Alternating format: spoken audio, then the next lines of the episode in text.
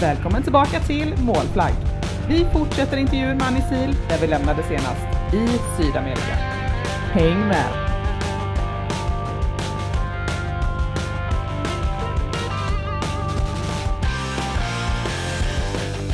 Mm. Men ni hade ju tränat för eh, ökenrally här. Och Ja. sen så flyttas tävlingen till, eh, till Sydamerika. Ja, Och där var det lite andra utmaningar precis. Och då kan jag säga eftersom jag är lite för liten. Jag är både kort och jag ska inte säga att jag är späd, men jag väger inte jättemycket. Så att jag, jag är 1,60 och väger lite drygt 50 kilo. Och ska man köra de här stora motorcyklarna som väger uppåt en 200 kilo fulltankade. Och de, de var ju byggda för att köra i afrikansk öken och det gick ganska fort och, och man hade mycket bensin med sig och sånt. Och sen kom man till Sydamerika som är lite mer varierad terräng. Eh, så att första året när jag körde där då insåg jag att den här hojen som jag hade byggt med kärlek och omtanke den passar inte så himla bra. Eh, så att jag fick ju eh, ha en ny strategi för hojbygge och det gör den lite lättare, lite smidigare, lite mer enduroaktig hoj då. då. Men det har alltid varit mitt problem att jag är för kort. Jag når ju inte ner på hojen när jag sitter på den utan jag får hoppa på i farten och eh, av i farten under okontrollerade former. Eh, ja, så att, eh, det här har ju alltid varit ett problem för mig. Eh, man ska vara stor och stark eh, när man kör ökenrally. Det är bara att kolla på de bästa förarna. De, är, eh, de som är bäst är stora och starka. Och det finns en spansk eh, kvinnlig förare. Vi körde 2011. Och hon är det mest grymma, överjävliga jag har sett. Alltså hon slår ju mig med hästlängder. Eh, dels så kör hon trial och har varit 13-faldig världsmästarinna i det. Men hon är stor och stark. Hon är 1,85 lång liksom. Så hon, så att hon kan ju lyfta den där hojen på raka armar. Liksom. Hon är helt grym. Så att, eh, det, men det är den enda tjejen i hela världen som är så. Jag har inte sett någon liknande. Jag var, jag var ganska bra, men alltså. Jag, jag brukar säga det att compared to shit, I'm really good. compared to good, I'm really shit. Tror jag. så att ja, det är så. Och det jag säger, det finns alltid de som är sämre än en själv också. Det är, det är nästan, nästan lika svårt att vara sämst som att vara bäst. ja. Det beror på hur man ser det sig. Ja, precis. Ja. Men jag har i alla fall kämpat och jag, jag kan ju säga så här. Jag har väl, även om jag velat bli bäst, eller så bäst jag kan bli, så har jag ju kanske insett att just i ökenrally så hade liksom, jag skulle aldrig kunna köra ifrån dem som är de bästa i världen. Men kunde jag ligga topp 20 eh, som jag gjorde där, topp 20, topp 30 resultatmässigt så ja, då, då eh, är det alltså så bra. Så bra jag kunde bli. Ja, helt okej. Okay. Jag vet det har varit några tävlingar. Jag körde Farao-rallyt i Egypten. Också fantastisk öken där. Och det är verkligen historiens, eller faraonernas vingslag. Men då kom jag tolva totalt. Eh, och det var ju en sån där, ja, det var ju bland det största jag har gjort någonsin. Mot de liksom bästa förarna i världen. Um, ja, så att, uh, det är ju det. Jag är glad att jag har gjort det jag gjort och jag har tävlat mot dem som var bäst och de som är legendarer idag. De har jag tävlat med. Eh, bara få liksom ta med sig den trofén, att jag körde med de bästa. Och när Dakarrallyt var Dakarrallyt och vi körde i Afrika och jag har kört Baja 1000 i Mexiko som är, är liksom också en legendarisk tävling. Um, så ja, det är jag väldigt glad för. Och sen har jag gjort andra äventyr. Jag drog ju till Mount Everest också. gjorde jag. Du gjorde ju det. Ja, jag Hur gjorde hamnade det. du där? ja, och det var ju genom de här äventyrsresorna i Marocko. Då träffar man ju många äventyrare och då var det en dansk som var med på en sån här guidad tur och då ville han åka till Mount Everest. Men han var inte så high på det där med både offroad eller mecka och serva hojar. Så då frågade han om jag vill hänga med och då tänkte jag wow, vem vill inte åka till Mount Everest? Jag hade kört Dakar-rallyt som var världens längsta motortävling. Nu ska jag köra Mount Everest som är världens högsta berg. Så det var ju taget. Så då gjorde vi en expedition. Vi skulle se hur långt upp vi kunde köra då på Mount Everest. Och då var vi en grupp. Han tog med sig några danska kompisar. Och så åkte jag med. Det här var augusti 2003. Och det var också, det var inte det här min, liksom min eh, expedition så. Det var inte jag som arrangerade den. Och det var mycket man inte visste, som att Nepal har haft, eller hade då, importförbud sedan 20 år. Och eh, det betydde att alla motorcyklar som fanns på plats var minst 20 år gamla. Och eh, ingen våg, eller de skulle inte ta dit sina egna hojar för att det var risk att de blev konfiskerade i tullen. Så vi hyrde hojar på plats som alltså var minst 20 år gamla. Eh, så det betydde att de var ju inte riktigt up to date. Så att den här expeditionen blev ju, det blev ju onödigt spännande på det sättet att eh, hojarna eh, ja, gick ju inte så bra. Och det, de gick sönder under resans gång. sen blev jag sjuk. Jag, fick, jag hade någon influensa. Och sen med hög höjd så eh, var det jobbigt att andas. Jag fick lunginflammation. Äh, det var helt galet. Men jag åkte upp på det jäkla berget. Och jag satte ett höjdrekord på 500, nej 5305 meter. Och då var det jag och en dansk som kom upp på den höjden. Då. Och eh, det hade varit en kines där uppe på var det närmast 6000 meter, jag vet inte. Så att jag tog i alla fall det kvinnliga höjdrekordet. Men jag kan säga också det här var så himla galet. Det gick ju så långsamt. Det är det långsammaste jag kört i hela mitt liv. Vi startade själva världsrekorddagen då rekordförsöket startade vi på 5150 meter. Och det tog, tog mig fyra timmar att åka till 5000, vad var det, 200 eller 5300 meter. Äh, det var så här, det gick så långsamt. Det gick så långsamt. Man fick ju sparka sig fram, knuffa hojen och den var så svag på grund av syrebrist och så var den gammal och skruttig redan innan. Så ja, och sen ska man ner igen. Det gick ju lika långsamt det. Liksom. Jag tänker när man är där uppe på den höjden. Alltså man tänker inte tanken att när jag ändå är här ska jag inte ta och gå upp de sista, met sista metrarna också? Ja, alltså nu är det ju, jag kan säga att när man kommer till 5305 meter då är det tre och en halv kilometer kvar. Mm. Så att vi, vi åkte ju från base camp eh, vad heter det, A eller B eller C, ja, det längst ner. Sen är det två stycken sådana här cabs på vägen och där måste det vara flera veckor att acklimatisera sig. Eh, så att det är inte bara, bara, vi var där i två veckor.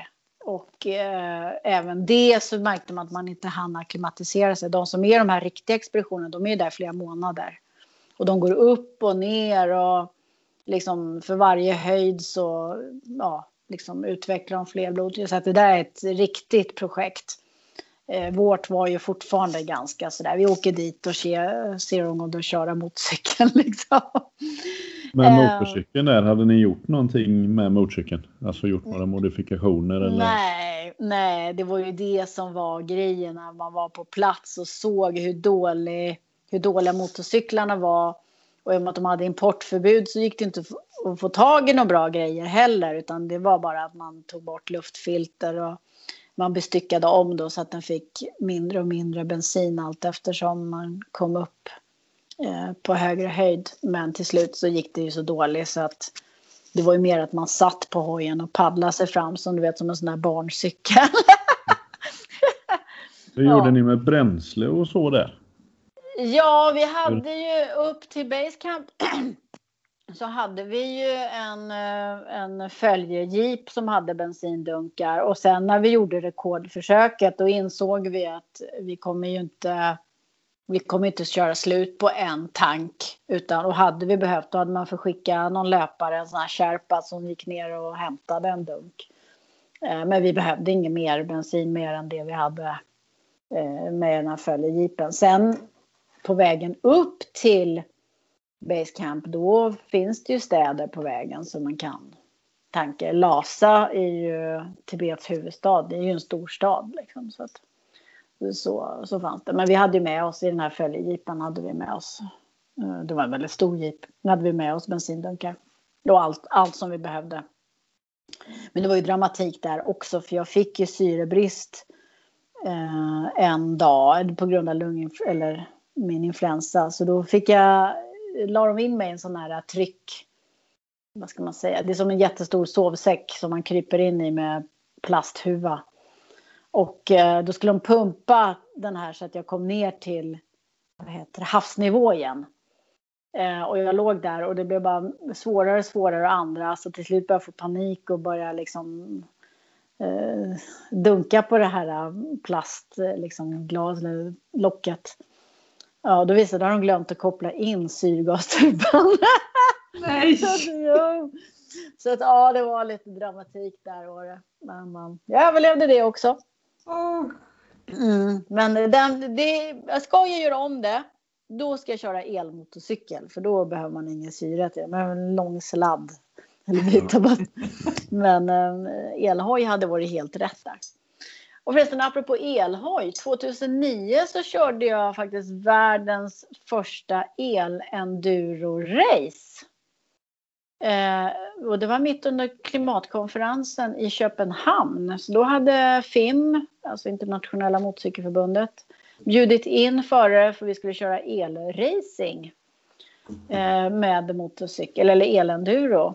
Eh, så det var lite roligt. Och då tänkte jag så här, gud vad bra, nu kommer liksom press och media var väldigt positivt inställda till, eh, till eh, motorcykelracing eh, och sånt för att det var eldrivet. Det var inte en jäkel som brydde sig. Så att jag får säga att jag var, jag var tio år för tidigt. Det var ingen som var intresserad av sånt. Och 2010 så körde jag en hel serie i England med ett svenskt team, Morris Motorcycles. Med elracing och samma sak där. Det var ingen som brydde sig. Inga, inte ens liksom några, vare sig media eller sponsorer här i Sverige. Så jag, jag var för tidigt ute. Jag vet inte om det finns någon elracing på motorcykel i Sverige ännu. Jag tror inte det. Um, kanske Inget större komma. i alla fall. Eh, I, somras, I somras så provade jag en sån här Cake motorcykel. Ja, De här, det är en svensk. Men den är ju lite mer så här livsstilshoj. Det är ju inte direkt en racehoj så, men eh, det är lite ballt så det kanske kommer nu här. Men... Är det den som ser lite äldre ut i designen? Nej, den är lite fyrkantig på något sätt. Den är lite mer minimalistisk kan vi säga sådär. Um, som vilket i och för sig är väldigt designat då. Så att, ja, men um, lite mer som citybike sådär. Men uh, det går ju, det är klart det går att köra på bakhjulet och hoppa med den också om man skulle vilja. men uh, ja, nej, så det kommer. Mm. Men jag tänkte det, under Dakar så använder ni ju en så kallad roadbook. Mm. Hur fungerar den? Ja, alltså väldigt enkelt så är det ungefär som en sån här vad heter det, körinstruktion precis som du googlar eller går in på någon sån här kartfunktion och så ska du ha hur du tar dig från punkt A till B och så skriver den kör x antal kilometer och sen svänger du höger på väg si och så. Så det är väldigt enkelt att den, man startar på kilometer noll. Nästa instruktion är kanske på 5,2 kilometer och då kommer det en, en, eh, ett ställe där vägen delar sig Ja, och då ska du ta det högra spåret och så ska du ha 180 grader på kompassen när du fortsätter. Ja, och sen efter 7,3 kilometer så kommer ytterligare en instruktion som säger att nu ska du hålla vänster, du ska hålla kanske 100 grader på kompassen och då gör du det. Så att du liksom betar av de här instruktionerna. Allt Och ibland kan det vara varning för, för branta vet du, dropp, alltså kanter eller om det kan vara ett, ett träd som man ska runda eller vad som helst. Men är den eh, digital eller är den papper? Den, den är ju på papper och det är intressant att du frågar det för att klassiskt då, då förr i tiden i Dakarrallyt då, då hade man ju roadbook och det var nästan bara kompass och kanske någon karta. Och sen kommer den här roadbooken med lite mer körinstruktioner. Och det har varit pappersrulle eller en bok. Är du, kör du bil så får du samma instruktioner fast de är ett häfte då. Och då sitter ju kartläsaren om du är bil och berättar för föraren vad den ska göra.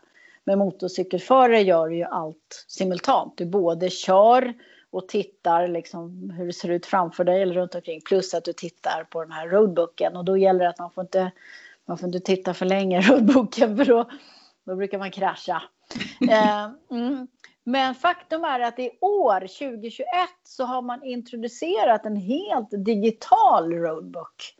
Eh, så det var första Dakarrallyt nu man körde med digital roadbook. Och då är det ju lite så här, eh, vi som är old school, jag har inte sett det nya så här, vi tycker det ska vara papper och man ska sitta på kvällen med färgglada pennor och skriva in kompassriktningar och varningar och sånt.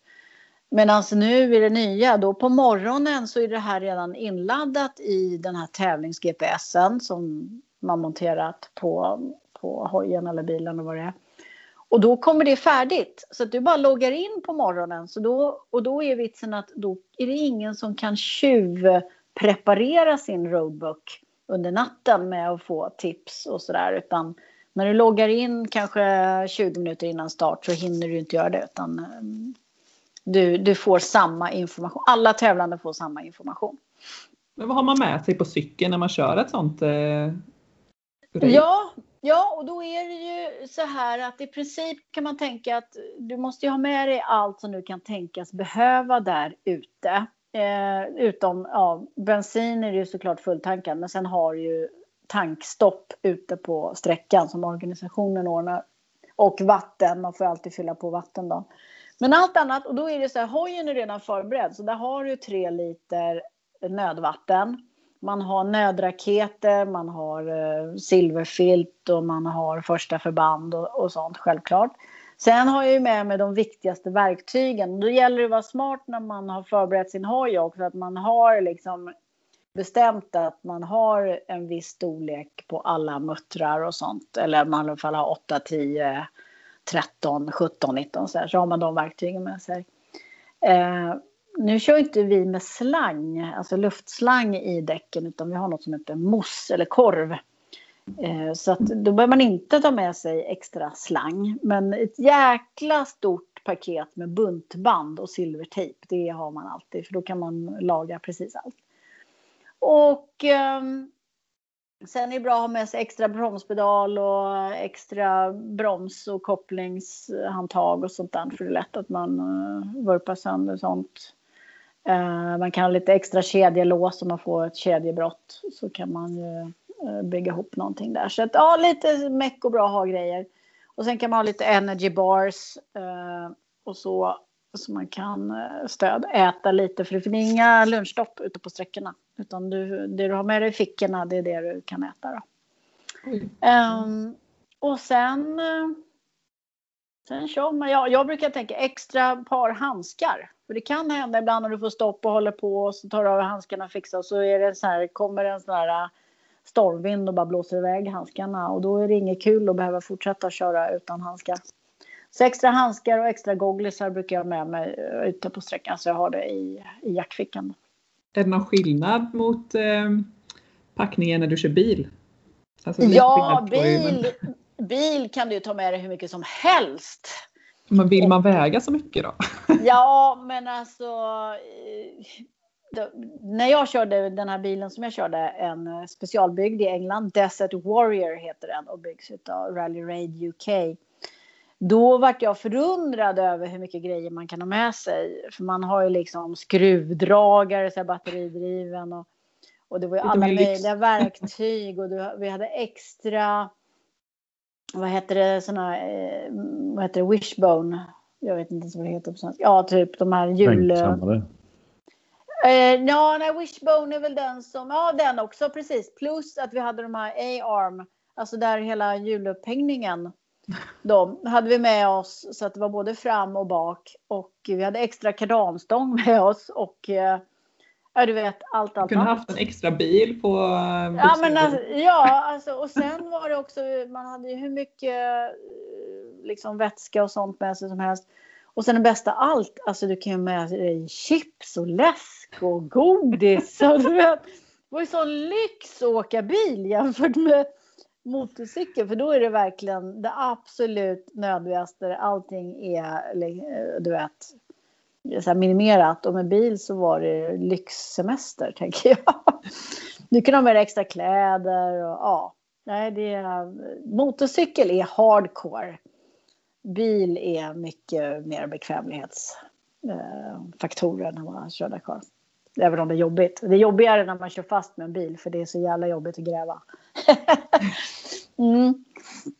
Ditt så. tredje Dakar-rally där med bil. Ja. Då tog du till ett litet oväntat knep för att få tag i en co-driver. Ja, och det här är ju, det har ju alltid varit, med all motorsport så är det ju alltid pengar. Hur får man råd att köra eh, tävlingar då? Och Dakarrallyt är ju larvigt dyrt. Och du kan säga att motorcykel startavgift är väl, jag tror i dagsläget det är 150 000. Och då ingår inte bil eller motorcykel eller någonting. och med bil, ja precis, bara för att få sätta upp sin namn på listan. Och på, i bil så är startavgiften 250 000 kronor. Och då är det för dig och din co-driver och bilen så är startavgiften. Ska du ha med dig en mekaniker, och det måste man ju när man åker bil, då är det även startavgift för mekanikern och då betalar man 100, jag tror det var 110 000 för en mekaniker. Och ska du ha två mekaniker då är det 110 000 till. Så varje gubbe du ska med dig kostar 100 000 till i anmälningsavgift och det är helt sinnessjukt pengar. Så när jag skulle köra då 2016 då hade jag fått låna den här äh, gula bilen Desert Warrior utav det engelska teamet.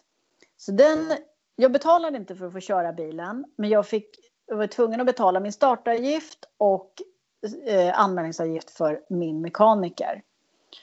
Och startavgiften var 250 000 då. Och då bara, men jag har ju inte 250 000 och jag har ingen co-driver heller. Men då fick jag den, jag vet inte om det var genialisk idé, men den var framförallt panikslagen. Jag hade en vecka på mig att få ihop 250 000 till anmälningsavgiften. Så då la jag upp en annons på Blocket där jag skrev att, uh, att jag hyr ut min co-driver-stol för 250 000 kronor. Och så skrev jag att då, för de här 250 000, då fick man åka med mig i Dakarrallyt. Man fick inte vara morgontrött, man fick inte vara eh, liksom så mat och sovklocka bråka, man fick inte vara gnällig. Och ja, det var, jag skrev massa sådana här grejer. typ. Ja, men i alla fall. Eh, och då ska man få vara med på eh, sitt livs äventyr. Och jag fick, alltså den här annonsen, den spreds ju som en löpeld på internet. Eh, och det blev, även, det blev verkligen viral. Jag fick hundra ansökningar. En del fattade ju inte att man var tvungen att betala. De trodde att de skulle få 250 000.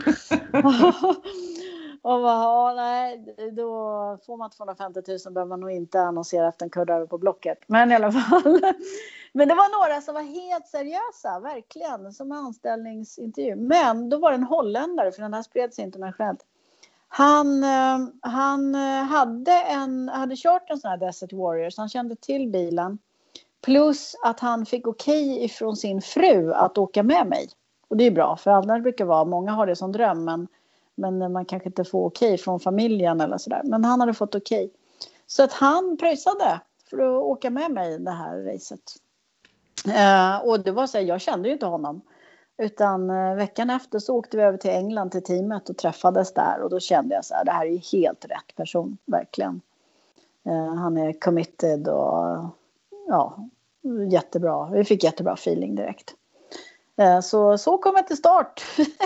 i mitt tredje Dakar med bil då. Så jag har kört fem med motorcykel och tre med bil blir det då. Vilket år var eh, det? Och nu senast var det 2016. Uh, eh, då. Och då kan vi säga så jäkla oflyt för körningen gick skitbra men bilen började misstända uh, efter tre, fyra dagar någonting. Eller fyra, fem. Ja, och vi kämpade på, kämpade på till slut så gick den inte alls. Och eh, vi höll på med felsökningar ute på sträckan. Teamet kom med lastbilen och liksom boxerade oss på transporterna ibland när det, när det krånglade. Så visade det sig att det var ett litet, litet kabelbrott i den här kabelstammen som inte gick att hitta. Liksom. Så, alltså, så att man kan bli själv den bästa satsningen och sen så blir det ändå, ja, blir det inte som man har tänkt sig. Inte för att man gör bort sig eller kör bort sig eller så. Men så är det. Vilken mm. var den, eh, den bästa upplevelsen av eh, alltihopa hittills får vi väl säga? Oj, ja, och det här låter helt galet när jag säger det, men mitt första Dakar är ju mitt eh, värsta och mitt bästa. Det är mitt största stordåd för att det var allt som jag gick igenom där. Det, det går liksom inte att eh, planera för någonting och ändå klara det. Så att om man tänker sig äventyrsmässigt så är det största äventyret jag har gjort. Sen när jag vann eh, damklassen i Dakar 2010, då gjorde jag det var ju inte det perfekta racet, för det drömmer jag fortfarande om. Men då gjorde jag en bra tävling. Bortsett från att hojen, eller jag råkade köra ner hojen i ett stort avgrundshål i Atacamaöknen och ett gruvschakt. Eh, så att, ja, det var lite spektakulärt. Så, så att det, alltså jag drömmer fortfarande om det perfekta här, men det går liksom inte. Det är Hur hamnar cykeln där nere? Nej, ja, alltså, vi följer den här roadbooken som ska vara en säkerhets och navigations eh, ja, hjälpmedel. Och där hade man glömt att markera att det låg ett, ett ja, i och för sig stängt schakt men ingångs, eller vad säger, gropen den var ju öppen. Så att, ehm, och det såg man inte där jag kom åkande och i dammet och så.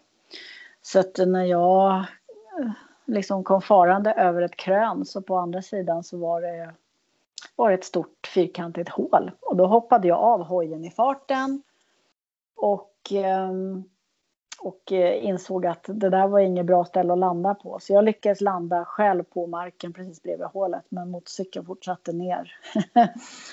och sen när jag tittade ner över kanten då låg den fortfarande på sidan och, och körde. Motorn gick ju men den var några 5-6 meter ner och tänkte hjälp, vad ska jag göra nu? Eh, och det tog några timmar och eh, jag fick eh, utav andra tävlande fick jag låna rep så jag kunde klättra ner i det här avgrundshålet.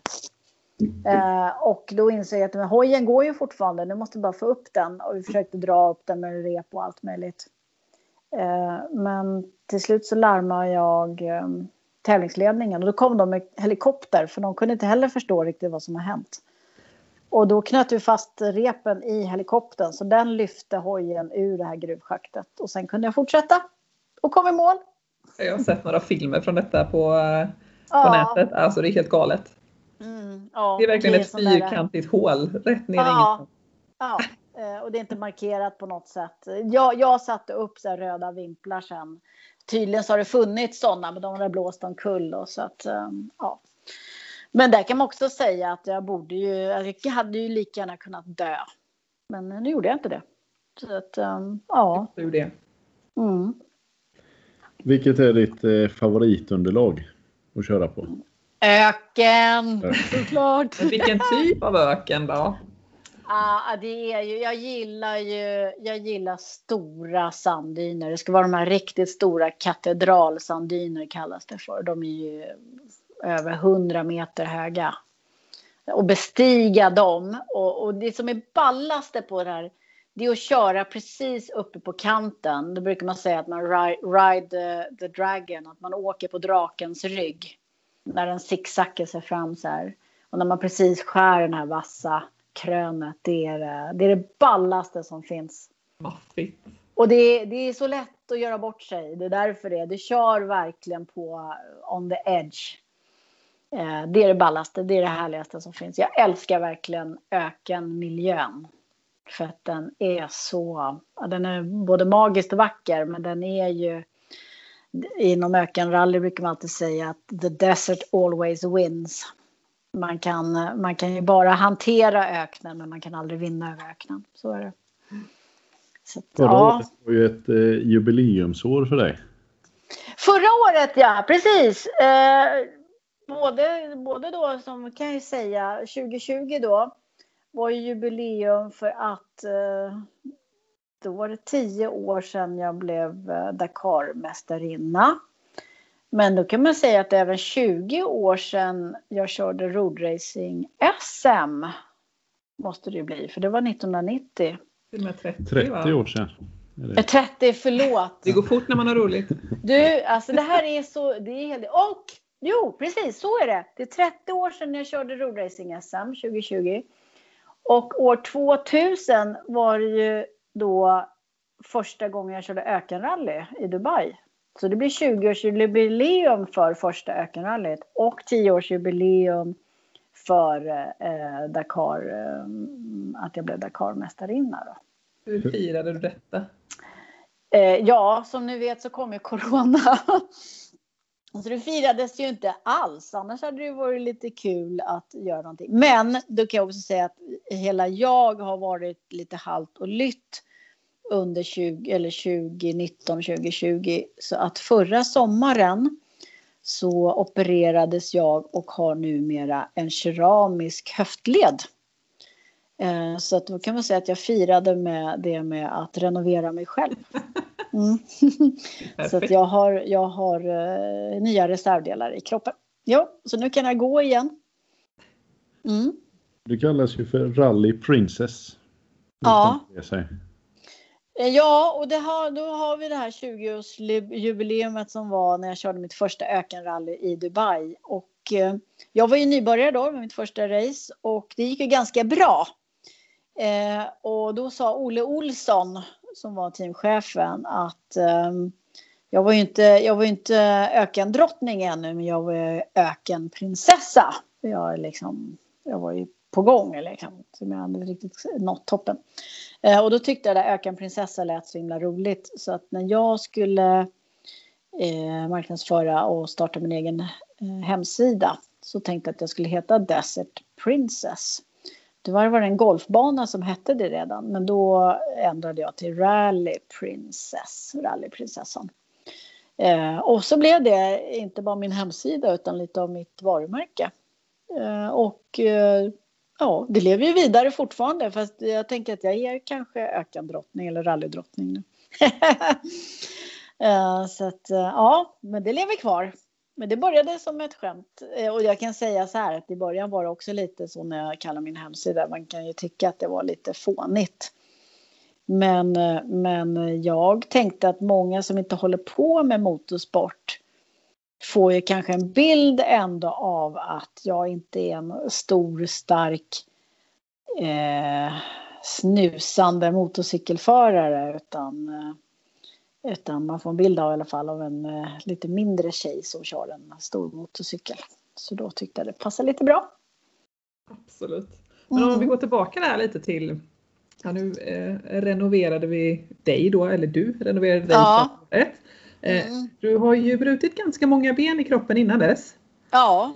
Eh, och jag läste någonstans att du slutade räkna efter 25. Alltså ja. efter 25 frakturer. Ja, precis. Ja. Men jag tänker, alltså det är ju inte bara frakturer inom racing utan det är även från skidbacken och på mountainbike. Men sen läste jag också att du lyckades skada dig i en vattenrutschkana.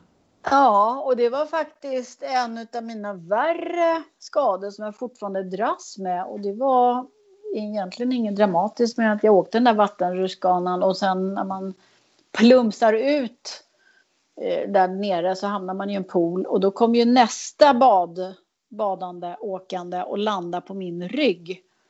Med fötterna före då såklart. Och eh, då fick jag en, vad ska man säga, för, kotförskjutning eller någonting. Och det där har jag ju, det spökar ju fortfarande så att det är lite nerver i kläm. Men alltså det var ju ingen, vurpan i sig var ju ingen spektakulär, inte jämfört med alla mina andra vurpor, utan det var bara maximal otur. Och eh, efter det så var det ju att jag blev ju inte riktigt eh, lika tuff när det gällde roadracing. Att den här killer instinct eh, fick ju sig en törn. Så. Sen glömde jag ju bort det så småningom också. Men Ja, men den spökar fortfarande den där äh, ryggen. Mm, men detta var ändå 91 så du har ju haft hela din karriär efter det får man väl ändå säga. Ja, och jag kan säga på grund av den där äh, vurpan eller skadan så har det varit flera gånger att jag varit på gång att sluta för jag har haft så ont i ryggen. Och jag var det 2007 då var det så illa så att då var det snack om att steloperera ryggen. Eh, men då sa de att gör du det så kommer du inte kunna köra hoj på elitnivå igen. Och då ville jag inte göra det utan jag fick så här nervrotsblockader som stoppade in sprutor mellan kotorna. Och eh, blockerade lite nervbanor. Eh, och eh, sen sa de att det är bra när du fyller eh, 45-50 någonstans för då blir du stelare och stelare och då kommer din rygg inte vara så, eller de här kotorna kommer bli stela, då kommer det inte reta nerverna. Så då är det bara bra att bli gammal och stel. Då. Men den, den har spökat genom hela min karriär. har den gjort. Det är många gånger jag har bitit ihop fastän att ja, det är jätteont verkligen. Har gjort. Och det är flera gånger jag tänkte nej nu orkar jag inte mer. Men sen biter man ihop lite till. Mm. Du började ju din karriär på asfalt på två hjul och nu, eller sen 2007 så började du på asfalt igen fast med fyra hjul. Ja, och det här var ju roligt. Det var faktiskt genom Dakarrallyt. Eh, jag lärde känna vad heter det, Chris Nissen i Dakarrallyt 2007. Han var Volkswagens eh, teamchef då på Dakar och han såg hur jag kämpade där ute.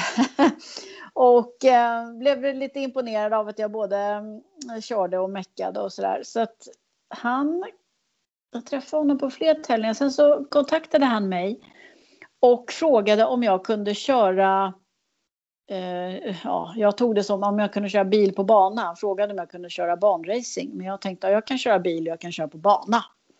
Eh, så då fick jag en inbjudan att köra i Polo Cup som är en serie i Tyskland då för eh, juniorförare och då skulle jag få en sån här eh, VIP, alltså gäst, gästförare.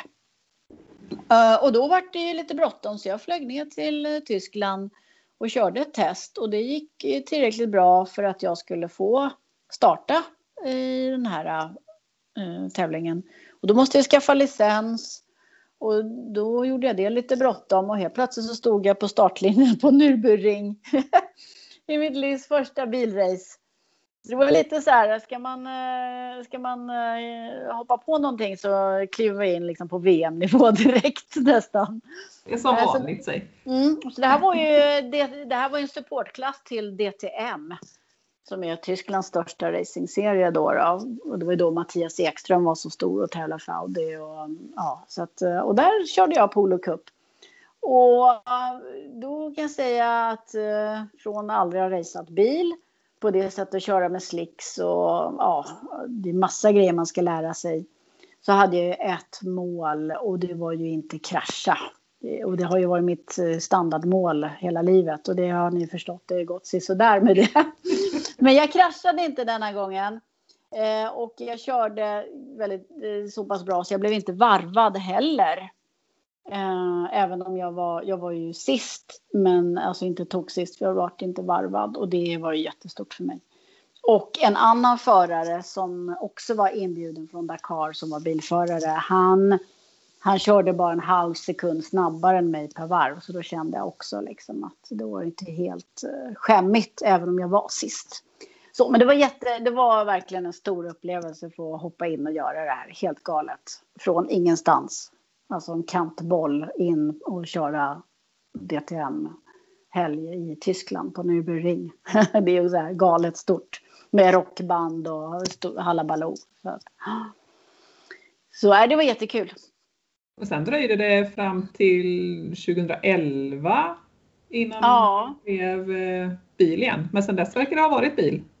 Ja, och varför, varför det blev sånt uppehåll, det var ju för att 2007 så var jag ju fortfarande uh, alltså elit på motorcykel. 2008, 9, 10, 11 så körde jag ju Dakarrallyt på motorcykel och mm, ja, blev ju uh, Dakarmästarinna och körde hela. Så att jag hade ju ingen plan på att, att sluta med bil, eller motorcyklarna då. Men sen 2011 då fick jag en inbjudan att köra Abarth Trophy i Sverige som en gästförare och då tänkte jag, men det här är lite kul.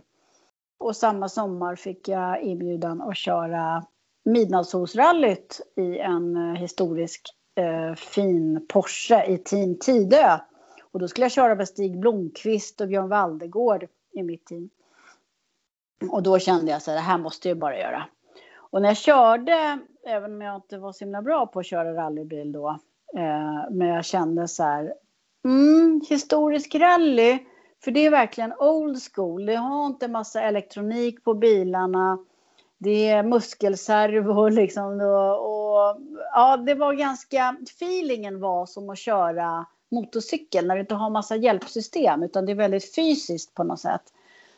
Eh, så då kände jag så här att jag kanske ska köra rally. Och eh, det kände jag så här, det blir nästa steg efter jag var klar med motorcykelåket. Så 2012 köpte jag en egen rallybil. Och så numera känd som Killer Starlet, en liten Toyota Starlet från 79. Och det är bara 1300 kubikare men den, den, den har jag lite feelingen som när jag kör motorcykel. Det är busigt, det är roligt, det sladdar och ja. Det, mm, ja, så därför kör jag rally nu då. På grund av att jag fick köra i Team Tidö med, med de här äh, legendarerna bland legendarer. Valdegård och Stig Blomqvist. Det är lite kul att, att jag tävlar med dem också fast de är ju en helt annan generation än jag själv. Jag såg dem själv när jag var sju, åtta år gammal. Och sen få tävla med dem. Så att äh, man kan säga att cirkeln är sluten där också. Och sen har du även varit och kört i Ginetta serien. Ja, och det här är lite roligt för att nu här under corona så fick eh, jag inbjudan att, eller förfrågan att vara förarcoach i en ny eh, tv-produktion som heter Racing Club. Och då är det eh, åtta kändisar eh, som ska lära sig att, att köra racing. Och då får de prova på både folkrace och lite rally eller grusåka och köra banracing och sånt. Och då skulle de bland annat köra en sån här Ginetta Cup-bil. Och den är högerstyrd och det är sekventiell växellåda så att alltså, vi pratar det på riktigt. Det är en riktig utmaning för de här deltagarna som inte har på med racing förut. Och då när jag ska instruera dem måste jag ju själv lära mig att köra den här bilen. Så um, eh, ja, då gjorde jag det såklart. Men då var det så himla kul så då fick jag faktiskt eh, förmånen att köra en tävling på Knutstorp. Och jag kan säga det var mycket steep learning curve på den också att hoppa in. Jag är ju inte så, även om jag har kört rallybil så är det en helt annan sak att köra banracing. Eh, och det var regn och rutan immade igen och det hände. Det var massa dramatik där också.